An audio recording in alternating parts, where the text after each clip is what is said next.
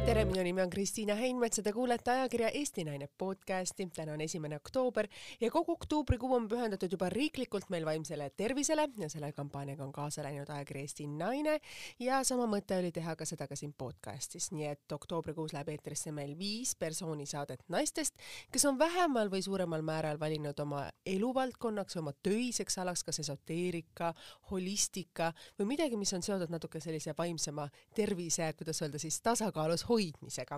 Ja täna on stuudios meil siis naine, kes on mõnes mõttes olnud avalikkuses juba aastaid. ta võib öelda, et on Eesti üks esimesi ja säravamaid telesaatejuhte, kes meil üheksakümnendatel nõndanimetatud tele, teleekraanile lennutati. ta oli, kaunistas kõikide erinevate ajakirjade esikaasi, tal oli oma fännklubi, võib öelda, et oli oma ajastu siis Brigitte Susanna Hunt, kelle pildid panid kõik kohalikud mehed endale, kuidas öelda siis seinte peale ja tema oli siis see naine, keda kõik siis mehed võib-olla unistasid temast.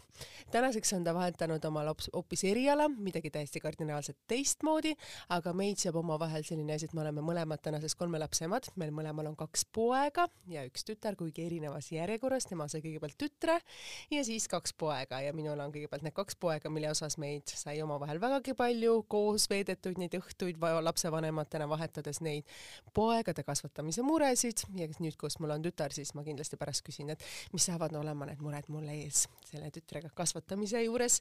Ning äh, omavahel seob meid ka selline tõsiasi, et me oleme mõlemad istunud teleekraani ees Mihkel Raua kõrval ja pidanud hakkama saama siis tema teravate kommentaaridega nii meie ees olevate inimeste suhtes kui ka iseenda suhtes, mida Mihkel meil armastab, aga ta on meil väga armas inimene, nii minu sõber kui ka siis siin oleva naise sõber, nii et äh, mõnes mõttes ma võiks veel pikalt rääkida, mis meid omavahel seob, aga ütleksin juba siis kiiresti, et tere tulemast, Kirsti Valdstein-Timmer tere, Kristiina, issand sa, ma kohe kuulasin huviga ja selline terve ajalugu jooksis silme eest läbi, väga kihvt. Et seda ajalugu võiks veelgi pikalt rääkida mm, ma arvan, et neid, me peamegi ühe veiniõhtu tegema, seda tegema. aga ma küsiksin seda, et äh, ka minul on kaks perekonnanime ja et see kuidagi oli mingil hetkel trend, et me jätsime alati oma nime ja lisasime sinna mehe nime ja ka sinul on, et kumb on see õige nimi, et me kõik kutsume sind, äh, ma nüüd ei taha siin öelda Timmeriks või me teame mm -hmm. sind mõnes mõttes, see hüüdnimi nagu on selles mõttes, et kuidas, kuidas sa nagu tundsid, et sa tahad äh, need kaks nime jätta?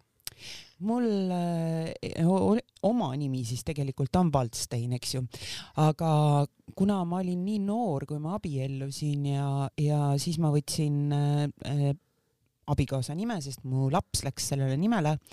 Ja, ja kuna see Waldsteini nimi oli selline, millega oli igal pool nii palju probleeme, inimesed ei osanud seda kirjutada.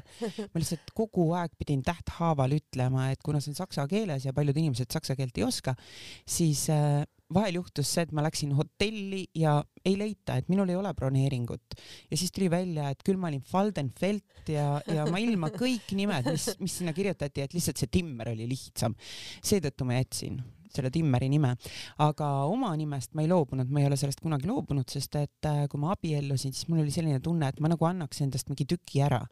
et ma parem võtan teise tüki juurde, aga ma ei anna midagi ära nii et oma nime säilitamine oli sinu jaoks oluline, kui sa abiellusid? jah, oli küll jah kui sa täna mõtled äh, selle valdkonnaga, mida, millega sina tegeled, et see on ju mõnes mõttes ettenägemine, selgelt nägemine, et kui palju nimi annab meile juurde või kui palju ta muudab meis, kui me lisame mõne nime või loobume mõnest nimest? mina näiteks, äh, kui ma inimesele vaatan kaarte mm -hmm. ja tihti on see, et mõni inimene mis on väga oluline, et mm -hmm. inimene ütleb kohe, et, et minu nimi on see, aga et kas ma olen lapsendatud või et äh, ma olen nime vahetanud. et Aha. ikkagi see mingis, mingil määral minu jaoks see mängib rolli, mis on inimese, aga see puudutab eesnime mm. siis eesnime, eesnime jah, äh, sünnijärgne nimi, sest et öeldakse vaata kuidagi nii, et kui inimene sünnib mm, -hmm. laps sünnib, et siis sa vaatad talle otsa ja sa saad aru, kas yeah. see on tema nimi või ei ole, eks ju. et äh, seetõttu see nimi mängib ikkagi rolli ja et kui sa oled ikka olnud terve elu, ma ei tea, Piret ja siis otsustad ühel hetkel, et ei, nüüd ma olen äh, Charlene, siis tegelikult oled sa Piret et, äh, et minu jaoks on see oluline inimese, inimese lugemisel, jah sa oled pannud oma lastele ka võib-olla veidi teistmoodi mm -hmm. nimed. miks sa tegid selle valiku, teades ka, et ja sa oled ka ise tunnistanud, et sellised, kuidas öelda, võimed sinus on olnud ju mõnes mõttes kogu aeg sinu sees mm? -hmm. terve elu jah. ma teadsin äh, juba lapsena, et mu poeg kannab nime Ron. kuidas nii? Ma ei kust see tea, tuli?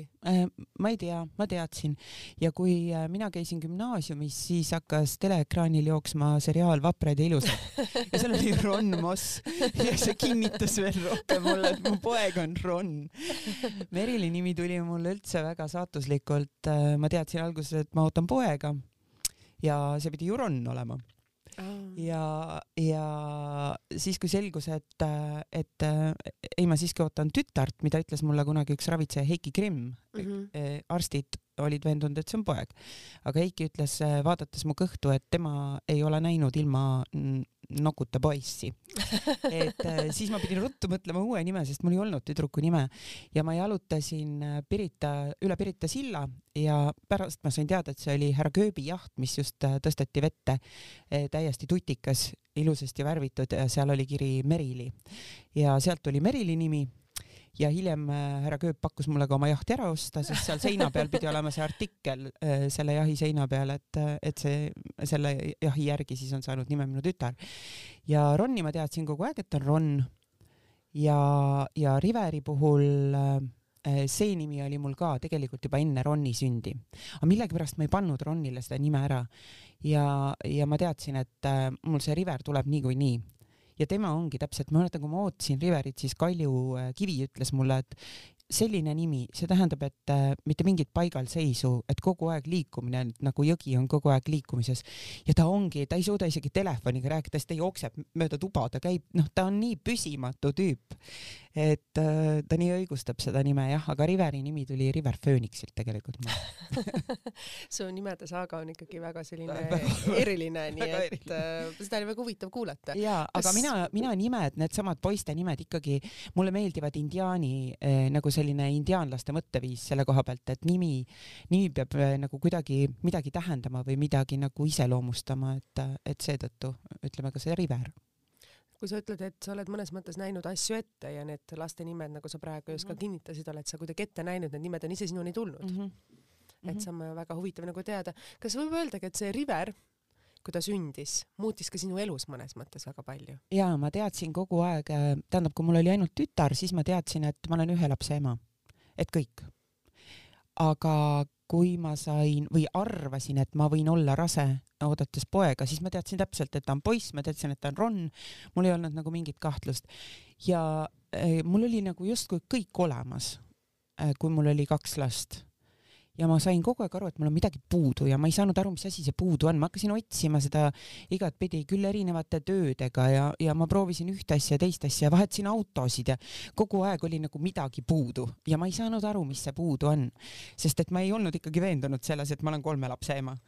ja, ja siis, kui River sündis, see oli väga huvitav hetk, et mm, kuigi minu mees oli mõlema lapse sünni juures ja kõik, siis millegipärast ta ütles mulle Riveri kohta, et lõika sina see nabanöör läbi ja mina lõikasin ja kui mulle pandi see laps äh, rinna peale, siis esimene lause mul oli see, et ma ütlesin, issand, see on mu puuduv pus- pusletükk. siis ma nagu tundsin, et nüüd on see nagu olemas kõik, et äh, mida ma otsisin nagu igalt poolt mujalt, et tegelikult ma otsisin seda Riverit.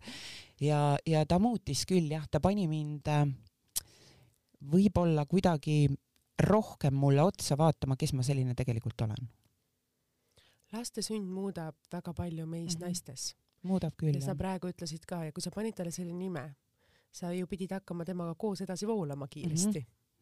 Ja ta on olnud täiesti teistsugune kui mu teised lapsed, et äh, kõik see, mida teised äh, alalhoidlikud lapsed mul ei teinud, siis äh, tema seda kõike teeb, et ma pole nii palju EMO-s käinud kunagi kui temaga. ta lihtsalt, kui Ron oli mul selline, et mul on neljakorruseline maja, mis tähendab hästi palju treppe, siis ma Roni puhul ei pidanud kuhugi panema kunagi seda turvaväravat et ma lihtsalt ütlesin talle, et ära mine treppide juurde, ta ei läinud kunagi, ta ei turninud mitte kuhugi. aga River läks ainult sinna, kuhu ei võinud, et meil oli terve maja turvapiirdeid täis. ma pidin tal kogu aeg järel käima. Ja eks ta ka on äh, noh, nagu natukene praegu ka. Tema, tema trennid ja huvialad ja kõik on seal, ta käib boksis ja tai-boksid ja kõik sellised, et äh, noh, ta on selline ekstreemi vend jah sinu, kui sa see, oled seotud selle valdkonnaga, et sa näed asju ette mm, mm. -hmm. kas sa oled tundnud, et iga laps kelle emaks oled saanud, on sulle midagi õpetanud? jaa, on küll. tütar ju õpetas mind üldse kuidagi selliseks, tema õpetas mind võib-olla rahulikuks. ma olin vanasti ma sain nii palju trahve, et keegi ei kujuta ette, ma olin selline kihutaja ja tormakas ja ja kui mul tütar sündis, siis äh, ma ei saanud viisteist aastat ühtegi trahvi. Ma ei ületanud kordagi kiirust. et äh, Ron on õpetanud mulle võib-olla, Ron oli selline laps, kes ei jäänud mitte kellegagi, ainult minuga. et äh, tema puhul ma õppisin seda, et äh, kõik see, milline olen mina, selline on minu laps et seesama asi, et äh, millises, äh, kui sa oled ise stressis, siis on su laps stressis, noorena sa ei pane seda tähele, sa ei mm -hmm. oska niimoodi arvestada mm. -hmm. ja, ja Ron õpetas mind märkama hästi palju asju, tema oli selline laps ka, kes võis, ta unustas muusikakooli läks ja õpetaja helistas, et ta ei ole sinna jõudnud, sest ta uuris puulehe peal, kui ruttu tigu lehe ühelt, ühe serva otsast teise serva jõuab et ja ta ei saanud minna, sest tigu ei jõudnud ja, ja River on mind õpetanud hästi palju märkama kõike või nagu noh, sa pead, mul on, mul on temaga olnud silmad kogu aeg ees, taga, kuklas äh,, igal pool. aga ma võin öelda, et äh, kuidagi need lapsed on mul sellised, et äh, mul ei ole nende pärast olnud probleeme. ma ei ole nende pärast pidanud nutma ja mm, need poisid on mul olnud sellised, kes äh, kui emadepäeva hommikul ei olnud lilli neil, siis nad ei tulnud oma toast välja Nad ei tulnudki, uks oli kinni, nad panid ukse seest kinni ja ei tulnud. nii kaua, kuni isa pidi minema ja tooma neile need lilled. siis nad tulid välja, et ma võin öelda, et, et äh, poegade puhul tütre pubekaga mul oli küll muresid, aga üks poeg veel võib-olla sinna päris pubeka ikka pole jõudnud, aga, aga vot poiste puhul mul seda ei ole, et ma võin öelda, et nad ei ole mulle mitte kunagi öelnud halvasti. Nad ei ole kunagi pannud mind halvasti tundma, vaid kuidagi vastupidi, et äh, et ma lihtsalt tunnen seda meeletut hoidmist nende poolt ja see on väga äge. kui palju sa ise võtsid kaasa lapsi kasvatades oma lapsepõlves, sest see keskkond ju, kus meie kasvasime, oli midagi kardinaalselt teistmoodi kui see, kus täna meie lapsed kasvavad, et võib-olla mis on need fundamentaalsed need reeglid või sellised emotsioonid, mida sa teadsid juba ette, arvestades et sul olid võib-olla natukene, kuidas öelda, teistmoodi arusaamad juba elust juba lapsena, et mis on need asjad, mis sa tahtsid lastele edasi anda? mul on olnud äh, sellised põhimõtted, et armastust ei ole kunagi liiga palju, sest et äh, ma näen inimesi, kes ei ole saanud lapsepõlves armastust ja need, need inimesed on paraku ebakindlad tulevikus ja nad arvestavad hästi palju teiste arvamusega. ehk et äh, üle hellitada ei ole võimalik mitte kedagi. pigem on probleem, kui inimene ei saa hellitust mina olen oma lapsi täiega hellitanud, nunnutanud, nende eest nii palju asju ära teinud. ma olen mm, andnud hästi palju armastust, sest mina sain seda ka oma emalt niimoodi, et, et talle heitsid kõik ette, et tema elu keerleb ümber laste. aga ja teine asi, mida ma siiski kogu aeg neile räägin, on see, et kui sa tahad kõikide teistega sarnaneda, siis sa ei jõua elus mitte kuhugi. et äh, kõige olulisem asi maailmas on äh, seista iseenda, äh, iseenda selle päris olemuse eest ja, ja ükskõik, mis teised ütlevad või, või kuidas keegi suhtub, siis äh, see on nende probleem, et see julgus eristuda ja julgus välja öelda oma arvamust. vot see on see, mida ma, mida ma neil tõepoolest nagu sisse süstin kogu aeg. kuidas sa teed seda? Ma lihtsalt räägingi sellest neile, et äh, ma mäletan, meil oli ka koolis probleeme. meil oli, Ronil oli koolis probleeme lihtsalt äh,, nendel oli klassis üks poiss, kes oli hästi suur, hästi suurt kasvu ja kohutavalt äh, selline noh, tegelikult näha, et kodus väga suurte probleemidega laps, õpetajate laps mm. -hmm. ja ta lihtsalt kiusas ja terroriseeris ja kuni selle hetkeni, kui ma ütlesin Ronile, et aga mine ütle talle lihtsalt ausalt välja, et noh, mis sa teed, sa ei saa tegelikult lapsele niimoodi haiget teha, aga mina seisan oma lapse eest. ja ütlesin talle, et mine ütle sellele poisile, et mul on väga kahju, et sa kodus peksa saad ja su vanemad sind ei armasta. aga minu peal seda välja elades nagu midagi ei muutu see on päris karm lause. see on päris karm lause, jah, aga, aga see ongi see, et äh, mina pean õpetama oma lapsi enda eest seisma ja teiste vanemate tegemata töö on nende probleem. et äh, jah ja ma julgustan neid ka õpetajale seda välja ütlema, et et kui ikkagi äh, mõned vanemad prouad seal koolis on äh, sellised, nagu nad nõukaajal olid, siis ma olen oma poegadele öelnud, et mine küsi konkreetselt, mine õpetaja juurde, küsi, et milles su probleem on, millega ma sind häirin. ja mu pojad julgevad seda teha, see on okei okay.. ja mis on see vastukaja, mida nad kodus annavad sulle, kuidas nad peegeldavad, kuidas nendesse suhtutakse? Noh, ega, ega need õpetajad, kes eluaeg sellised olnud on, ega nad ei muutu, aga vähemalt äh, ega seal kergemaks ei lähe ma just mõtlen, et see on ja. päris karm, et. Äh, ja ega kergemaks ei lähe, aga vähemalt äh, sa seisad enda eest nii et see on sinu jaoks oluline, sa oled ise ka noorena väga palju seisnud ja iseenda eest, sest sind on ka tahetud ju lahterdada ühele poole ja teisele poole mm -hmm. ja mhm. sul ei ole olnud ka mõnes mõttes lihtne, sest mõnes mõttes neid kuidagi kadedust ja sellist võib-olla ülevalt alla vaatamist sinu suunas on olnud palju mm, -hmm. sa oled ka ise pidanud palju sellistes ekstreemsetes olukordades olema võib-olla, milles sa ei ole ise süüdi, aga sind on nagu presenteeritud sellena mm, -hmm. et see, mhm. see on see, kes peaks selle asja eest vastutama ja olema nagu, nagu süüdi.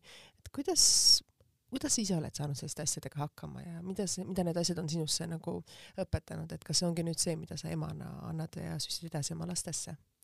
ja ma olen äh, alati mõelnud seda, et äh, need inimesed, kes äh, kuidagi kes eh, toituvad sellest, et eh, sinusse negatiivselt suhtuda või mm, -hmm. või rääkida või seda tehakse alati selja taga, näkku ei tule keegi midagi ütlema kunagi.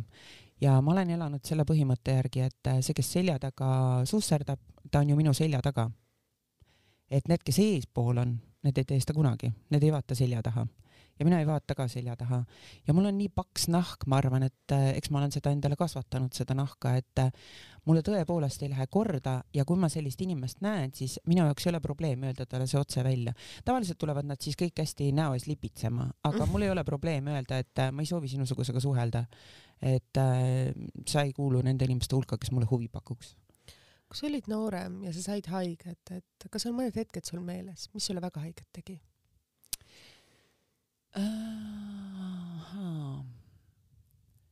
Mis mulle haiget tegi? sest üheksakümnendatel see oligi ikka selline wild west, kasutades seda inglis, ingliskeelset yeah. sõna, mis võib-olla, et kuidas öelda, kirjeldab seda ajastut kõige rohkem ja sellel ajastul, ma seda ise mäletan nii mõndagi artiklit et.... ma mõtlengi, et võib-olla mulle haiget tegi see, et äh, mina, kes ma olin eluaeg selline igasugustest eh, ainetest puhas ja nii edasi ja minu elukaaslane eh, sai süüdistuse narkokuriteos, mis oli -hmm. tegelikult toimunud palju-palju enne, aastaid enne, kui me üldse kohtusime mm. -hmm. aga lihtsalt siis see kuidagi tuli välja ja, ja ta sai tingimisi karistuse aga ajalehe pealkirjad olid Kirsti Timmeri elukaaslane, tema nime ei nimetatud. et äh, see tegi mulle haiget, et tegelikult oli asi toimunud ju mingi neli aastat enne meie kohtumist, aga, aga justkui mind pandi vastutama ja ma sain pidevalt telefonikõnesid, kus mulle helistati press kusjuures et äh, oi, me oleme teada saanud, et siin on mingid lõbuliinid ja sina oled nende omanik ja mina olen äh, ainukene minu seadusega pahu, pahuksis minek on üldse olnud liikluses kiiruse ületamine. rohkem mina ei ole seadusega pahuksis elus olnud ega, ega, ega millegi muu eest trahvi saanud, ma isegi ei suitsetanud alaealisena, et et et, et see tegi mulle nagu haiget, et miks mina seda templit kannan aga hiljem ma sain aru, et äh, võib-olla oli see jälle üks selline, üks selline mingi naha kasvatamine või et, äh, et ma suudangi elus nagu kõigest üle olla. et ma võingi öelda, et okei okay,, kirjutage, mis te tahate, mul täiesti ükskõik. sa oled avalikkuses olnud nii kaua ja see oli ka sinu professioon et see, et sa istud siin stuudios, see oli sinu jaoks nagu teine kodu mm. -hmm. võib ju seda ma elasingi raadios no seda võib ju nagu öelda, samamoodi teleekraani ees mm. -hmm. ja nüüd sa oled mõnes mõttes nagu keeranud täiesti uue lehekülje mm. -hmm ja sa oled ka selles valdkonnas edukam ja veel edukam võib-olla mõnes mõttes kui selles valdkonnas mm, -hmm. kus sa eelnevas elus olid, et me ju siin hetk tagasi ennem ka rääkisime ja siis sa ütlesid, et, et sa pead ära tundma see, mis on sinu asi. Et kui sa teed seda, mis ei ole sinu asi, aga seda tahad, et sa arvad, et see on nagu see õige valik, et sa ei jõua kuskile, aga kui sa tunnetad oma sisetunnet ja ei eita seda, vaid vaatad selle ausalt otsa, siis see on see, kus, mis sind viib, et kas võib ka mõnes mõttes öelda, et sa ise mainisid, et su tütar on mõnes mõttes eitanud oma teatud asju, kas sina ka tegid seda ise noorena, et sa teadsid, kui ta kuidagi, et sul on need võimed olemas, aga sa kuidagi ei julgenud või ei tahtnud või ei osanud kuidagi neid kasutada? ma kasutasin neid tegelikult kogu aeg, aga ainult äh,, aga ainult enda ja oma lähedaste tarbeks. et ma ei julenud sellest rääkida, sest et tollel ajal ikkagi hästi palju nagu äh, kuidagi mm, sildistati sind selle teemaga ja negatiivne suhtumine. ja negatiivne suhtumine mm -hmm. jah, kuigi nõiad on alati olemas olnud ja inimesed mm -hmm. on alati ennustajate juures käinud, aga võib-olla nii noorena ei oleks mul olnud ka äh, nii palju julgust kõike välja öelda inimestele. et praegu ma siiski ütleme, et ma olen läbi selle kogu selle avalikkuse kadalipu kasvanud mm -hmm. äh, nii tugevamaks, et võib-olla mul oli kogu seda eelnevat elu, mis tegelikult oligi, mulle väga see meeldis ja ma seda kõike tahtsingi teha. ja, ja võib-olla lihtsalt andis see selle võimaluse, et inimesed usaldavad mind. et nad teavad, kes ma olen, nad teavad, mis ma olen teinud, ma olen teinud äh, jumal, seitseteist aastat suhtesaateid, eks ju, kõiki, et ja teen ka praegu raadios seda. Ja, ja inimesed nagu usaldavad mind. ja kui äh, ma ka peale seda raadiosaate lõppu, näiteks kui ma kunagi Naisteka ära lõpetasime mm -hmm, Sky plussis, siis inimesed aastaid kirjutasid mulle ikkagi oma suhteteemalisi kirju ja küsisid nõu ja, ja kui ma ühel hetkel ikkagi mõtlesin, et äh, noh, teatud äh, elu, äh, elu etapil sul tekib väsimus sellest mm -hmm. avalikkusest ja ütleme sellest teletööst ja need pikad salvestuspäevad ja ja need tavaliselt on nädalavahetused ja siis, kui minu lapsed on muidu koolis ja nädalavahetustel kodus onju, siis mind kunagi ei ole, ma lähen hommikul seitsmeks stuudiosse ja tulen kell üks öösel, kui nad magavad. et äh, ma nagu tundsin, et see ring hakkab minu jaoks täis saama ja saigi mm -hmm. täis. aga mingi neli pool, viis aastat tagasi ma ikkagi vaatasin peeglisse ja mõtlesin, tegelikult see oli ühel hetkel, kus äh, ma nägin televiisoris, kuidas äh, oli, et äh, saada SMS ja, ja ma ennustan sulle siis teleka kaudu ja see ajas mind nii närvi, sest tegelikult nii ei saa et sa saadad SMS-i lihtsalt küsimusega, teadmata, kes seda küsimust küsib, et sa ei küsi nimesid ja nii edasi. et ähm, see ajas mind nii närvi, et ma panin postituse Facebooki, et äh, kuulge, kui te tahate päriselt vastuseid, siis okei okay,, ma võtan teid vastu. ja see, mis juhtus, kui ma, ma panin selle õhtul selle postituse, see oli õhtul telekas mm -hmm. ja ma läksin magama ja kui ma hommikul ärkasin, siis mul oli mailbox'is, ma ei mäleta, kas sada viiskümmend, sada kuuskümmend kirja, kes kõik tahtsid minu juurde tulla ja ma mõtlesin, ma proovin, ma hakkasin panema neid aegu, ma tegin seda kõike tele kõrvalt, kuni lõpuks aastaid ma niimoodi tegin. millal see alg alguse sai siis? Äh, see oli peaaegu viis aastat tagasi. Ja ma tegingi seda kõike tele kõrvalt. Ma võtsin inimesi õhtul vastu ja hommikul kell kaheksa enne tele, telesse minekut ja nii edasi, et, et aga siis ma ühel hetkel sain aru, et äh, see nagu läheb ja läheb ja läheb ja mul edasi. Ja need inimesed, kes on käinud, need jäävadki käima ja tulevad ja neil kõik lähebki niimoodi ja nad tulevad jälle tagasi ja, ja see tagasiside ja kõik see oli nagu nii, nii meeletu ja siis ma juba andsin selle raamatu välja ja kui seda müüdi kaheksa tuhat eksemplari ja, ja siis see järgmine raamat ja siis ma sain aru, et, et ma olen tegelikult ehitanud üles hoopis oma elu ja om, oma tee, et ma ei või sealt kõrvalt enam aega võtta. ja siis ma võtsin omale vastuvõturuumi Tallinnas, nüüd mul on juba vastuvõturuum Tartus ja, ja mul on ikka kuudepikkused järjekorrad, kuigi ma tegelen selle asjaga igapäevaselt, eks ju. et äh, noh, siis siis ongi kuidagi see võtnud üle ja mul tütar täpselt samamoodi. küll ta õppis grimeerijaks, küll ta õppis ei tea mis ilu, iluteenindajaks ja ta ei tundnud ennast kusagil hästi või küll ripsmeid tehes selg väsis ära ja jäi haigeks ja nii edasi. kõik asjad lükkasid teda sinnapoole, et ta üritas ju sellest põgeneda ka, et mm -hmm. läks Austraaliasse elama, arvates, et ta võimed ei saa teda kätte. aga ta sattus elama majja, kus äh, kummitas. ehk et tal tuli selle kummitusega seal väga vägivaldse ja agressiivse kummitusega hakkama saada poltergeistiga. et äh, ja see kõik kasvatas teda ja kui, kui ta siia tagasi tuli, siis ma ütlesin talle ka, et sa võid proovida teha mida iganes, Merili, lõpetad ikka seal, kus mina ja nii on. kuidas su tütar selle peale vastas?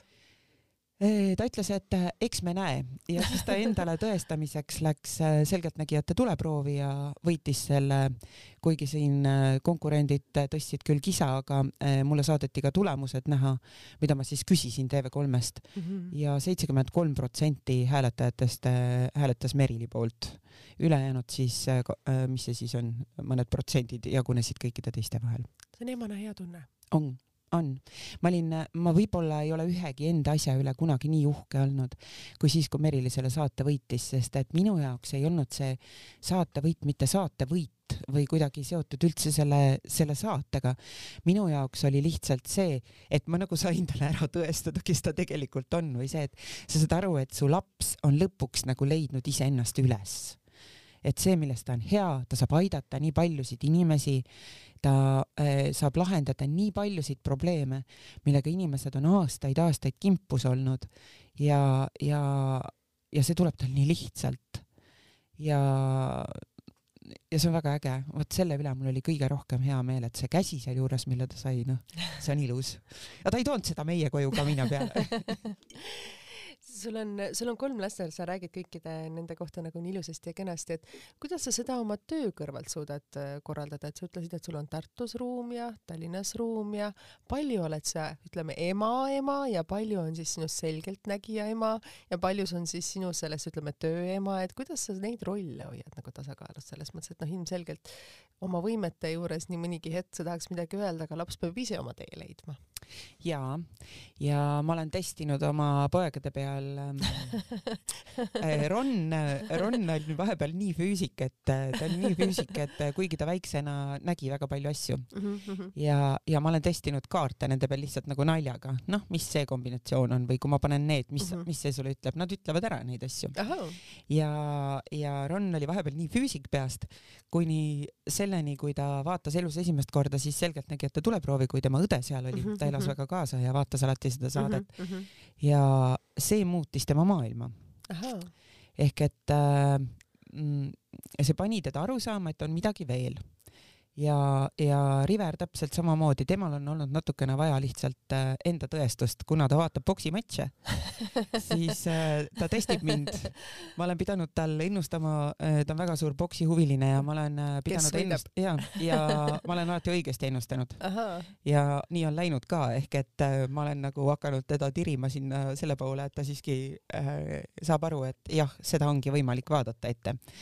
aga, aga palju minus on, jah, ma oma lapsi ei määra, nemad otsustavad ise tegelikult, äh, mida nemad teevad või mis neile meeldib või ma olen alati andnud vabad käed, kui seal trennis ei meeldi, davai, tule ära, aga enne pead olema leidnud endale teise trenni. et niisama logeleda ei või ja nad ongi leidnud endale ise need oma huvialad ja ma kahe käega toetan. ja äh, palju minus, ma siiski äh, siin Tallinnas, minu vastuvõtud on siiski päeva esimeses pooles need kestavad täpselt nii kaua, kuni minu lapsed on koolis siis ma tulen koju ja ma saan hästi palju kirju, et aga mulle sobiks õhtul peale kaheksat, sorry, aga mul on eraelu ka. et äh, ma ei võta kedagi peale kaheksat vastu või kui, siis palun viissada eurot, siis ma võtan. see minu laste aeg ja minu oma aeg maksab nii palju, et kui sa tahad seda aega, siis palun. inimesed on väga nahaalsed, nad kirjutavad, et mulle sobib laupäeva õhtul peale kaheksat ja pühapäeva õhtul kell üheksa ja noh, inimesed sõidavad sinust üle, kui sa annad selle võimaluse aga viitesada eurot nad maksta ei taha, nii et äh, siis sobib neile ka teisipäeval kell kümme hommikul, et äh, mm, see, see nahk on mul paksuks tehtud, sest kui sõrme annad, siis süüakse sind ära. Aga, ja peale seda, kui mu lapsed lõpetavad kooli, siis ma lähen koju, siis ma olen kodus. ja kuna meil on nüüd äh, Riveril on oma koer kellega tuleb ka käia koolis. meie kool asub koertekool Rakveres, me käime Rakveres politseikoerte treeneri juures, siis me sõidame iga pühapäev temaga koeraga Rakverre ja, ja tema käib seal koolis ja mina siis ootan nii kaua. et äh, see on jälle meie selline oma aeg, mille, mida me saame veeta ja, ja kui ma olen Tartus, siis, äh, siis ma olengi lihtsalt terve päev Tartus aga, aga muul, muul ajal, kuna see koer on nii väike veel, siis ta käib minuga vastuvõttudel kaasas, ta istub mu vastuvõturuumis laua all. ehk et ta on selline, ma arvan, varsti hakkab see koer ka kaarte panema et ennustaja koer. et nii me seda jagame seal, seal oma elu jah. Rann on juba nii suur, et tal on nii palju oma tegemisi, et, et paraku jah, meie sellised meie sellised ühistegemised on siiski kas kusagile sõitmine, et me alles käisime siin Rolfi juures kaks päeva ja sõitsime mööda Lõuna-Eestit ja ja, ja või siis me käime kinos või teeme kodus mingit filmiõhtut või mängime lauamänge. aga, aga muidu ta juba jah, elab rohkem ikka oma sõpradega ja, ja on õnneks hästi palju ka isaga, kellega ta saab siis teha neid asju, mis, mis on sellised meeste asjad, jah. Kuidas sa valisid just selle valdkonna, kus sa oled nüüd täna välja välja jõudnud, sest ütleme, sellel selgelt nägimisel on ju nii palju erinevaid neid meetode ja mm -hmm. neid väljendusvõimalusi ja erinevaid variante, et kus sa just nagu teadsid, et see on nüüd sinu asi, see on see, mida sina teha tahad, et kõigist nendest äh, mitmetest erinevatest variantidest? minuga lihtsalt on kaardid lapsest saati rääkinud, minul, mina ei tea ühegi kaardi tähendust. millal sa selle ära tundsid, kui vana sa olid, mida sa mäletad ma oma mäletan, esimesi äh, hetki, et sa tundsid kaardid ära? ma olin laps kui me mängisime kaarte mm -hmm. ja teiste jaoks olid need ärtud, potid, äh, ruutud, aga mina nägin nagu, mis tuleb nendes kaartides. kuidas see võimalik on? ma ei tea, vot see on verega ja see on, see on meil kõigil olnud, ega keegi pole ju, ei ole mu vanaema, vanaema ei lubanudki kaarte mängida ei mu emal ega kellelgi, aga kõik mu ema ja keegi pole kunagi öelnud aga päriselt, et üldse kaarte lugeda, siis ma olin ema hotellis, kus oli üks naisterahvas nimega Viive, kes oli äh, ka nõid mm -hmm. ja ta läks minust mööda ja ütles mulle, et tule minuga kaasa korraks. viis mu tuppa, äh, ladus mulle ette kaardikombinatsioonid ja küsis, no mis sa siin näed? ja mina hakkasin talle rääkima ja ta ütles, et ma nägin ära selle, et sa pagan oled selline. ja siis ta lihtsalt õpetas mulle, kuidas, eh, kuidas tuleb laduda, et eh, kuhu laotakse olevik, kuhu eh, minevik, kuhu tulevik. et tema näitas mulle nagu selle seal ära ja ma olen väga tänulik talle, et ähm, mina lihtsalt sain aru, mida kaardid räägivad, aga, aga ma nagu ei osanud neid niimoodi laduda. ja, ja tema lihtsalt näitas selle paigutuse mulle ära ja siis ütles nii, nüüd pane ja siis ma hakkasin ennustama. Ja... kui vana sa olid siis? Siis ma olin konkreetselt, ma ei mäleta, kas kolmteist või kaksteist või. kas see sinu jaoks ehmatav ei olnud, sa olid ju nii noor? ei olnud, sest äh, ma olin alati teadnud neid asju. ma ju, ma olin neli, kui vanaema viis mu surnuaeda ja lasi vaadata, millest see keegi suri või kuidas ta elas. et ma jutustasin neid lugusid, sest surnud on minuga rääkinud alati ja. kas sa ei karda? ei karda ja ma olen äh, näinud ju lapsest saati neid kõiki ja teadnud, kuhu ruumi minna, kuhu mitte.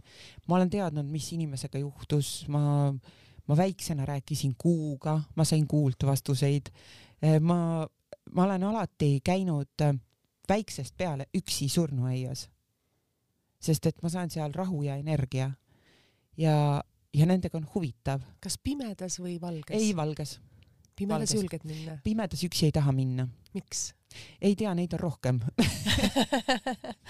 kas nad äh, öisel ajal siis, kuidas öelda, liiguvad seal äh, suuremalt ringi? Nad ei liigu ringi, nad, äh, nad ei, mina neid niimoodi nagu ei näe, et nad on, mina tunnen neid ja mina saan aru nagu kui on, kui on kellelgi mure või, või kui keegi tahab midagi öelda, ma olen õppinud natuke seda endast välja lülitama. Et ma olen käinud öösel surnuaias, aga mitte üksi. mida ja... nad tahavad? Nad tahavad tavaliselt, kui kellelgi on jäänud pooleli midagi või on midagi olulist öelda, nemad jäävad oma elus, äh, ütleme, luupima mingisse hetke, kui nad on ära läinud. et äh, tihti tulevad äh, inimesed. mis see luupimine on? no see on näiteks, toon sulle näite, äh, üks inimene tuli minu juurde, ütles, et nad elavad oma vanaema majas. vanaema jättis selle neile päranduseks, aga vanaema kummitab ja kummitab ainult sahvris ja kogu aeg kolistab, lihtsalt kolistab, et see segab, et mida ta tahab, et ta midagi mm -hmm. ju tahab.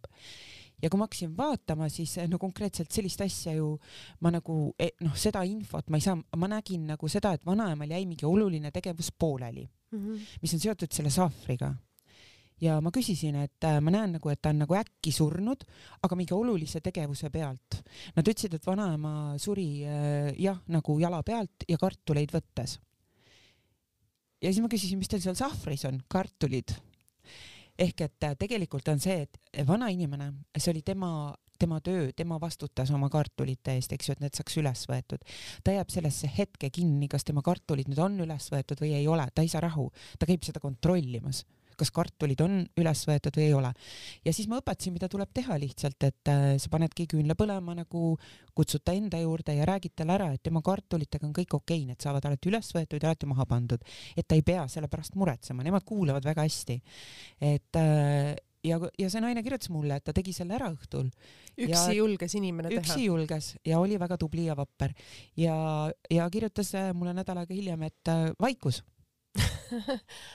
vanaema sai rahu nagu, et, et see on just tihti selliste vanade inimestega, kellel on võib-olla ka kaasa lahkunud, eks ju, ja see on jäänud nagu tema vastutada seal ja, ja ta on harjunud alati, nad on kohusetundlikud ja neil peab see tehtud olema ja vot kui see jääb pooleli, siis eh, mõni käib, eh, tean ka lugusid, kus mees käis kogu aeg, traktor läks garaažis käima. Ja, ja inimene suri infarktiga tegelikult selle traktori kõrval seda parandades, tal jäi pooleli see ja ta kontrollis aga kogu aeg oma traktorit ei saanud rahu. et äh, siis tuleb neile lihtsalt rahu anda see on ju väga keeruline, mida sa räägid, et minul on kuidas need külmajudinad on juba selja peal, et kui sa paned need kaardid ja sa kõiki neid ähm, mm -hmm. asju, mis sinna juurde käivad, näed, et mm -hmm. kuidas sa ise sellest suudad õhtul välja lülitada? mul on nii, et kui inimene äh,, ma sain just äh, eile sellise kirja, kus inimene kirjutas, et ta käis neli aastat tagasi minu juures, et mäletad, tegu oli ühe bussiga. ma ei mäleta mitte ühtegi inimest, kes on minu juures käinud, ma ei tunne neid ära. mõni, mõni tuleb juba, ma ei tea, kaheteistkümnendat korda mu juurde ma, mul on selline tunne, et ma teda olen kusagil näinud, aga ma, ma ei fikseeri ära, et ta üldse on minu juures käinud. ma ei mäleta kellegi lugusid, see on, see on oskus, ma olen selle õppinud ära, et ma lasen, noh, mina nagu saan seda infot, mina vahendan seda infot, aga ma ei salvesta seda infot. sa ei jäta seda iseendasse? sa lased selle endast läbi, selle eest inimeste tagasi ja kogu lugu? jah, kui, kui mul on päevas, võtan vastu näiteks kümme inimest, toon näite, siis äh, ma võin öelda, et kui ma astun oma ruumi uksest välja ja keegi küsib, et no mis teemadega sa juures käidi, siis ma ei tea ei tea, sest et äh, ma ei, ma ei salvesta ja kõige kurvem ongi see, et vahel mõni inimene kirjutab mulle õhtul, et, et ma käisin, näed, tänapäeval sellise asjaga ja siis sa seal kohapeal tegid pausi, mis sa siis mõtlesid? siis ma mõtlen eh,, aga kes sa oled? et ma ei, ma ei tea sellepärast ma olen väga ohutu inimene. Eh, mind ajavad alati naerma need inimesed, kes kirjutavad mulle, ma saan päevas umbes viiskümmend meili, kes kirjutavad mulle, et ma väga palun, et täiesti tundmatud inimesed, ma väga palun, et äh, diskreetsust ja et minu nime kusagil ei öelda. aga kuhu, kus ma su nime ütlen, kellele ma ei mäleta sind ega sinu lugu ega mitte midagi, ma olen, ma olen maailma kõige usaldusväärsem inimene selle koha pealt, et, et äh, see lihtsalt ongi nii, et sa lased selle endast läbi, aga sa ei salvesta et õhtul sa lähed koju, sa ei mäleta suurt midagi? ei no kui on mingid väga jõhkrad lood olnud, et ma ikkagi väga paljudele inimestele, kuna ma ise õpin ka psühhoteraapiat koolis mm, -hmm siis ma väga paljudele inimestele otsin ju ka lahendusi, et kelle mhm, juurde mhm. neid saata. ikkagi need, kes on lapsepõlve vägistamistega ja terve elu seksuaalse ahistamisega või räige psühhoterrori all elanud inimesed. et äh, seda lugu ma õhtul mäletan, sest ma vahel võtan ka ise nende terapeutidega ühendust ja ütlen, et ma saatsin sulle sellise loo või et aita seda inimest või et tal on väga hull lugu, võta ta kiiremini vastu.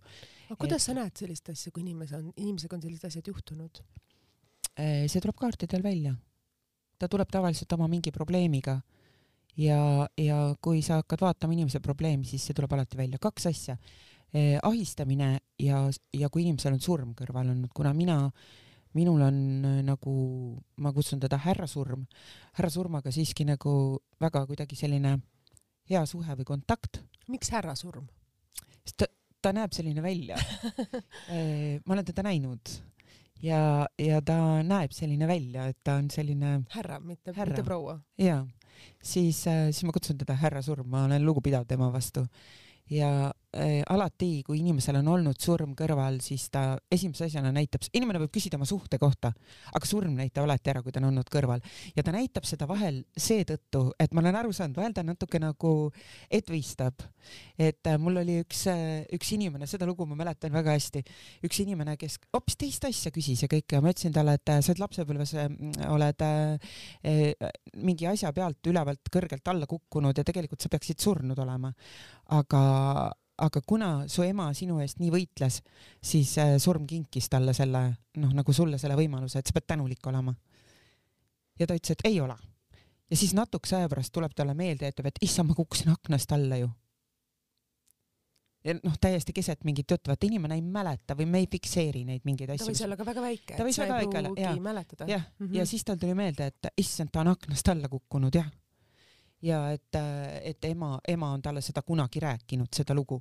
et siis ongi lihtsalt see, et sulle on antud teine võimalus, ole selle eest tänulik, kasuta seda. sa paned, kuidas öelda, paned kaarte või kuidas see mm -hmm. õige väljendus on või sa loed kaarte? ma kuulen kaarte. sa kuuled kaarte? Kuidas sa neid kaarte nimetad ja mis on nendes just sellist erilist, et noh, meiesugused tavainimesed, kes ei puutu selliste valdkondadega kokku, kellel puuduvad sellised erilised võimad, võimed, kes on noh, tavalised normaalsed inimesed selles mõttes normaalsed inimesed, et, et meil ei ole erivõimeid, noh nagu mina olen üks nendest, et noh, mina ei saa, mina vaatan neid nagu tavalisi kauneid pilte või mõni natukene mm -hmm. on koledam, mõni natukene ilu, ilusam mm, -hmm. aga mhm. mina neid rohkem ei oskaks ju kuidas öelda siis nagu vaadata teistmoodi. et kuidas sa ise nagu just selle kaardini jõudsid ja kuida-, miks need on just erilised? lihtsalt ongi äh, ähm, Need on mina, siis tarokaardid ja, on ju? ja mina loen ka täiesti tavalisi mängukaarte. et äh, en, igal inimesel on tegelikult antud nagu nii palju, kui temale on antud. et äh, see puudutab ka selgeltnägijate saateid, et miks mõned äh, põruvad mingites ülesannetes, sa ei näe, sa ei saa kõiki asju teada mm. -hmm. et nii palju nagu sinul on see uks sinna lahti lükatud, nii palju sina kasutada tohid, vägisi seda ust lahti suruda ei tohi. seetõttu olen ma ka kõikide nende koolide ja, ja õpetamiste vastane ja igasugused tarokaardi kursused, mina karistaks neid inimesi, kes seda teevad. et kui inimesele ei ole antud oskust ja luba noh, see on kas, kas kaardid räägivad sinuga või ei.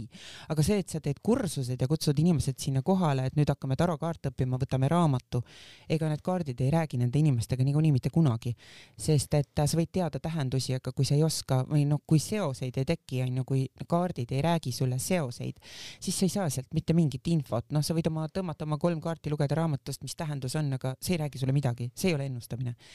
et äh, minuga ka paljud kaardid ei räägi üldse mitte. mis ei räägi sinuga? Ehm, tarot, äh, see Vait, Raider Vait on kõige tavalisem tarokaart ei pakk, mis on, see minuga ei räägi, ma ei oska mitte midagi sealt lugeda. Ehm, ma olen uurinud, pannud nad enda ette ja vaadanud neid, null mitte midagi, vaikus. aga samas. aga mängukaardid räägivad? mängukaardid räägivad. ja need, millega sina ennustad, need ka räägivad? Need ka räägivad. mis veel ei räägi siis e,? siis ei rääkinud minuga need kaardid, mis mu tütrel on, maailma kõige koledamad kaardid, need on nii õudsed, et see on lihtsalt jõhker, sealt ainult silmast tilgub verd, igalt poolt tilgub verd. kuni ühel päeval ma, ma ei, mitte midagi ei saanud nendest kaartidest aru ja ühel päeval ta niisama muuseas, minu arust midagi tegime süüa ja jõime veini ja, ja siis ta ütleb mulle, et et äh, noh, vaata, et ma pean ühte asja kontrollima, mis tal oli mingi inimene talle helistas ja ta pidi kontrollima ja ladus need sinna laua peale. ja ütleb mulle, et noh, mis sina siin näed, ma ütlesin, mina ei näe nendes koletistes mitte midagi, ta ütles, et ei no vaata. ja vaatasin ja järsku koletised hakkasid rääkima. Ja siis ma ütlesin, et tead, mulle tundub, et need koletised räägivad praegu seda, seda, seda, seda, ta ütles, et noh läheb, läheb, läheb, et mingi viis protsenti panin mööda, mingi midagi nagu panin mööda nende kaartidega, aga ja siis ta tellis mulle kohe selle kaardipaki, ütles, et hakka nüüd neid koletisi õppima. kas härra Surm on seal kõrval, kui sa koletistega räägid?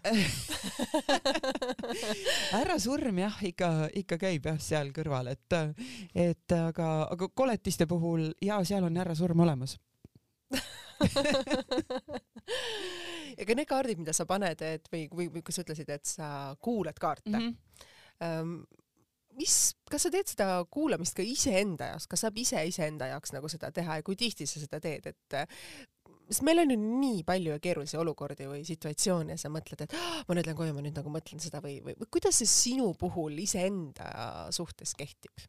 ma ei saa iseendale küsida vastuseid ei saa, seda mulle ei anta.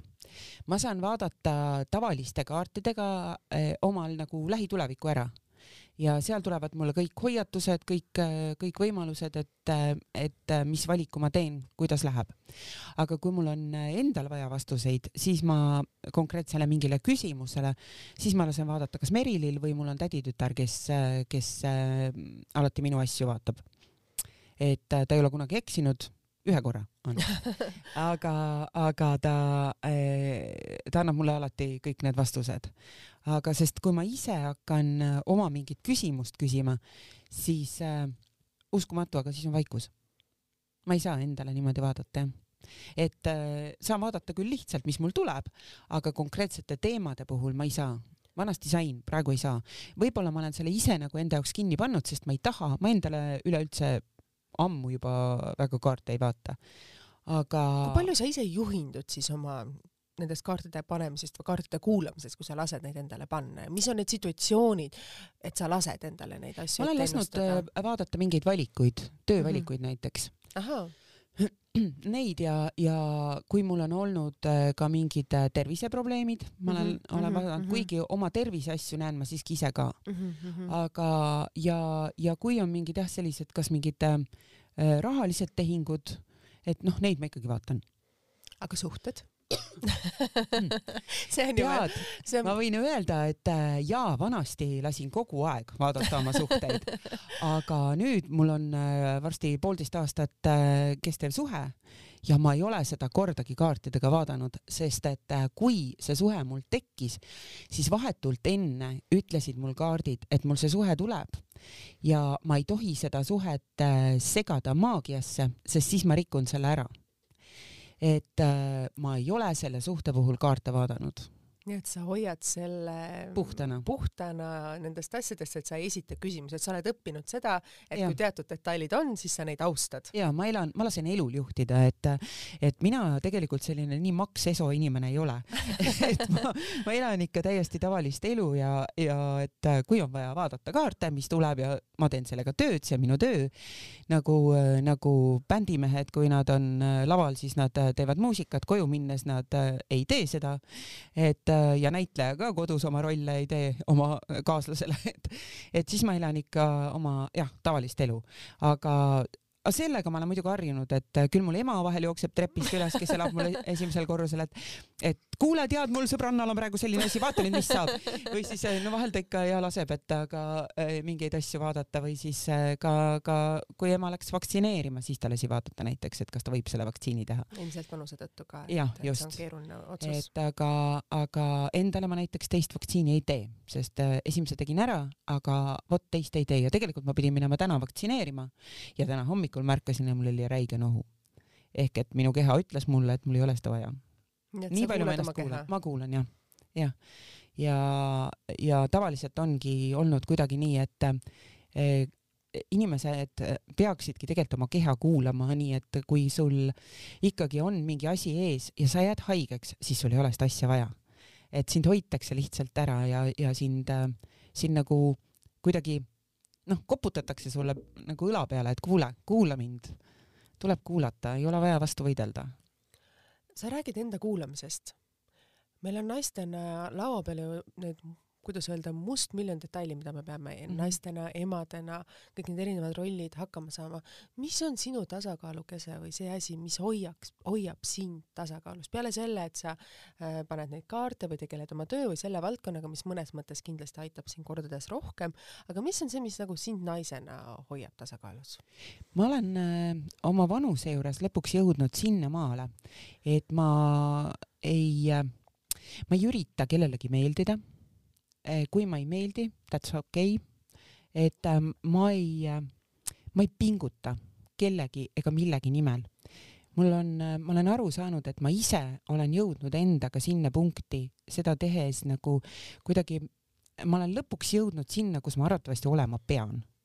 ma olen rahul endaga äh, kõigega, mida ma teen, ma olen aktsepteerinud ennast, et mina olengi selline Eh, arvaku teised, mis tahavad, mõni võib kirjutada, et peas soe, ise hakanud, nii edasi, ma ei ole ise hakanud, et ise võib hakata ükskõik milleks, aga kui sul annet ei ole, siis sa nendeks asjadeks hakata ise ei saa. Eh, lauljaks hakata tegelikult ise ei saa, kui sul häält ei ole, eks ju.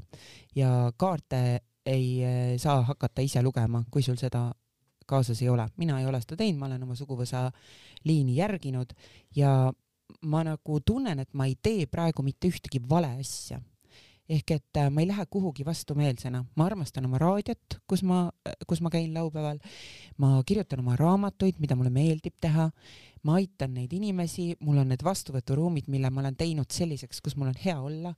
mul on oma kodu, mida ma järjest nüüd aga ehitan ümber äh, selliseks, nagu mina tahan, et see on, et see on minulik. Äh, ma, ma ostan omale sellise auto, ostsin, mida ma olen tahtnud, mis ja mulle meeldib Äh, see on BMW X4 äh, ma, äh, ma luban endale neid asju, mida ma saan ja tahan endale lubada ja ma nagu ei muretse asjade pärast, mida mul ei ole. ma ei, ma ei tee asju, mida ma teha ei taha. ma olen õppinud ütlema ei. Et kui ma, ma ei võta vastu ühtegi pakkumist, mida ma tegelikult teha ei taha, mida ma vanasti võtsin, sest hirm oli, äkki kui ma ära ütlen, äkki mulle rohkem ei pakuta. et äh, seda ma enam ei karda ja ma olen kuidagi jõudnud sinnamaani, et ma olen see, kes ma olen. Ja kõige olulisem siin elus on ainult see, et sa oled iseendaga rahul, et sa hommikul üles tõustes või õhtul magama minnes, peegli ees meiki maha võttes või seda peale pannes, vaatad peeglisse ja mõtled, et äh, mulle meeldib see inimene, kes mulle vastu vaatab, mitte seda, et sa pead silmad maha lööma ja mõtlema, et no pagan, oleks ta niimoodi või niimoodi. et äh, ka siis, kui ma võtan kaks kilo juurde, mõtlen ma okei okay,, siis kui tuleb äh, iseloom, siis võtan maha ja kui ei tule, siis so what, olengi selline. aga ja praegu olen neli kilo maha võtnud jälle ja olen enda üle jälle väga uhke, et äh, ma armastan ennast lihtsalt, see ongi see, mis paneb mind sinna keskpunkti. teekond selleni ei ole olnud lihtne. ei ole. võib-olla sa ütleksid näiteks, ma ei tea, kolm või neli või viis mingisugust sellist äh, asja, mida sina oled sellel teekonnal täheldanud, mis on sind aidanud ma olengi täheldanud seda, et äh, me hästi palju mõtleme selle peale, et kes on meie ümber ja kas meile meeldivad need sõbrad ja teised. tegelikult on see vale, mõelda tuleb seda, et äh, kes olen mina ja kas ma iseendale meeldin, see on punkt üks. punkt kaks on see, et äh, sa pead leidma asju või lähenema asjadele mitte nii, nagu ma täna just kirjutasin postituse hommikul, et, et inimesed alati noh, tulles ka minu juurde, et äh, mulle pakuti selline, sellist tööd, ma ei tea, äkki ma ei saa hakkama, ära mõtle nii, et sa ei saa hakkama. kes on siis see kõige suurem sinu innustaja, oma sõbrale sa ütleksid, et muidugi saad hakkama, onju, proovi, muidugi saad hakkama. miks sa endale siis seda ei ütle? et äh, sinu kõige suurem ja kõige lähedasem äh, sõber ja inimene oled sa ise. et käitu iseendaga nii, nagu sa käituksid oma Äh, täiskasvanud lapsega, kes on sulle kõige olulisem, onju, või noh, kelle puhul sa teeksid kõik tema jaoks.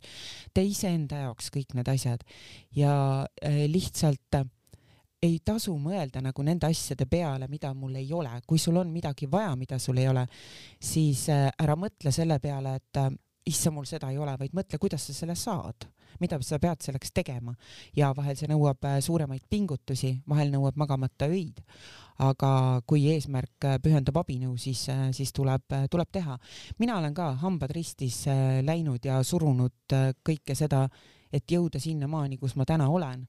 aga see ei ole olnud kerge teekond. see ei ole olnud kerge teekond, et äh, aga lõpuks, kui sa sinna jõuad, siis see on lihtsalt nii hea tunne, et ja, ja just jõuda kõigepealt selleni, et sa iseennast aktsepteerid, iseendaga oled rahul ja, ja saad öelda endale, et äh, issand, ma armastan ennast. see on ju väga pikk teekond selles mõttes, et ja mis on võib-olla sinu elus olnud see hetk, kui sa tundsid, et sa pead seda tegema? Sest sa ütlesid ju ka, et sa ju aastaid oled televisioonis, sa aastaid jooksid seda rada, sa arvasid, et see on sinu jaoks kogu sinu elu mm. -hmm. mõnes ja, mõttes, sest televisioonis, nagu sa ka hetk tagasi mainisid, et sa televisioonis olles sa enam mitte sada protsenti, vaid sada viiskümmend protsenti ja see oli nii pikalt sinu elu ja see, mida sa oled nüüd hakanud tegema alles viis aastat tagasi ja sa ütled, et sa oled õnnelik, see on olnud ikka päris pikk teekond selle viie aastani, mis mm -hmm. juhtus see, ma arvan, tegelikult kogu see muudatus sai alguse minu lahkuminekust. et äh, ega tegelikult minu eks kaasa ei aktsepteerinud seda poolt minus, sest et kui, kuigi, kui tal oli abi vaja küll, siis mu kaardid aitasid aga muidu oli, et ära räägi sellest, sa paistad hull välja. Ja ta ei uskunud seda ikka pikalt aga. kas aga... oli sinu siis nagu sinu enda eitus selle, sellepärast, et aktsepteerida inimest, kelle, kelle ja, kõrval sa oled? ja, ja selle jaoks ma panin nagu kõrvale kogu selle oma maailma. aga ühel hetkel ma enam ei suutnud ja see, ega see meie lahkuminek tegelikult ju oligi see, et mitte, et, et meil oleks midagi halvasti olnud, vaid mina ei suutnud olla enam keegi teine ja tema ei suutnud vastu võtta mind sellisena, kes ma olen ja nüüd, kui me oleme väga head sõbrad ja käime läbi, äh, minul on uus kaaslane, temal on uus kaaslane, me käime omavahel läbi, me käime külas, me käime sünnipäevadel, et äh, me oleme väga head sõbrad. Ja ma arvan, et ma olen kuidagi nüüd suutnud ennast talle tõestada. Ja ta on nüüd hakanud äh, seda juba võib-olla, ma arvan, poolteist aastat seda tunnustama ja mhm. imetlema, mida ma teen.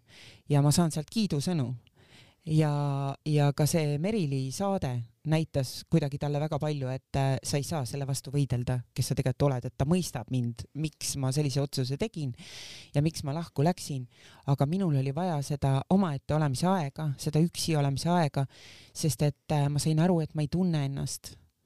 ja nende aastatega ma õppisin iseennast tundma. sa andsid ju endast palju ära, et televisioonis olles sa annad endast annad, nii palju annad, ära, samamoodi ka emaks olles ja mingil mm -hmm. hetkel sa kaotad ju absoluutselt jalade kontakti iseendaga.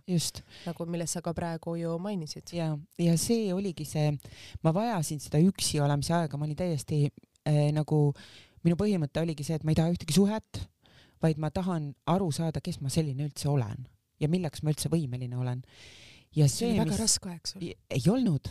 vastupidi. see oli väga äh, äge aeg selles suhtes, et mul nagu hakkasid kõik asjad avanema, et äh, ma nagu see oli täitsa uskumatu, et äh, kuidas siis kõik see, mille ma olin ära blokkinud endas, et ma lähen kuhugi ruumi, räägin inimesega ja ma järsku näen kõik, mis temal juhtub mingi järgneva mingi kuuga.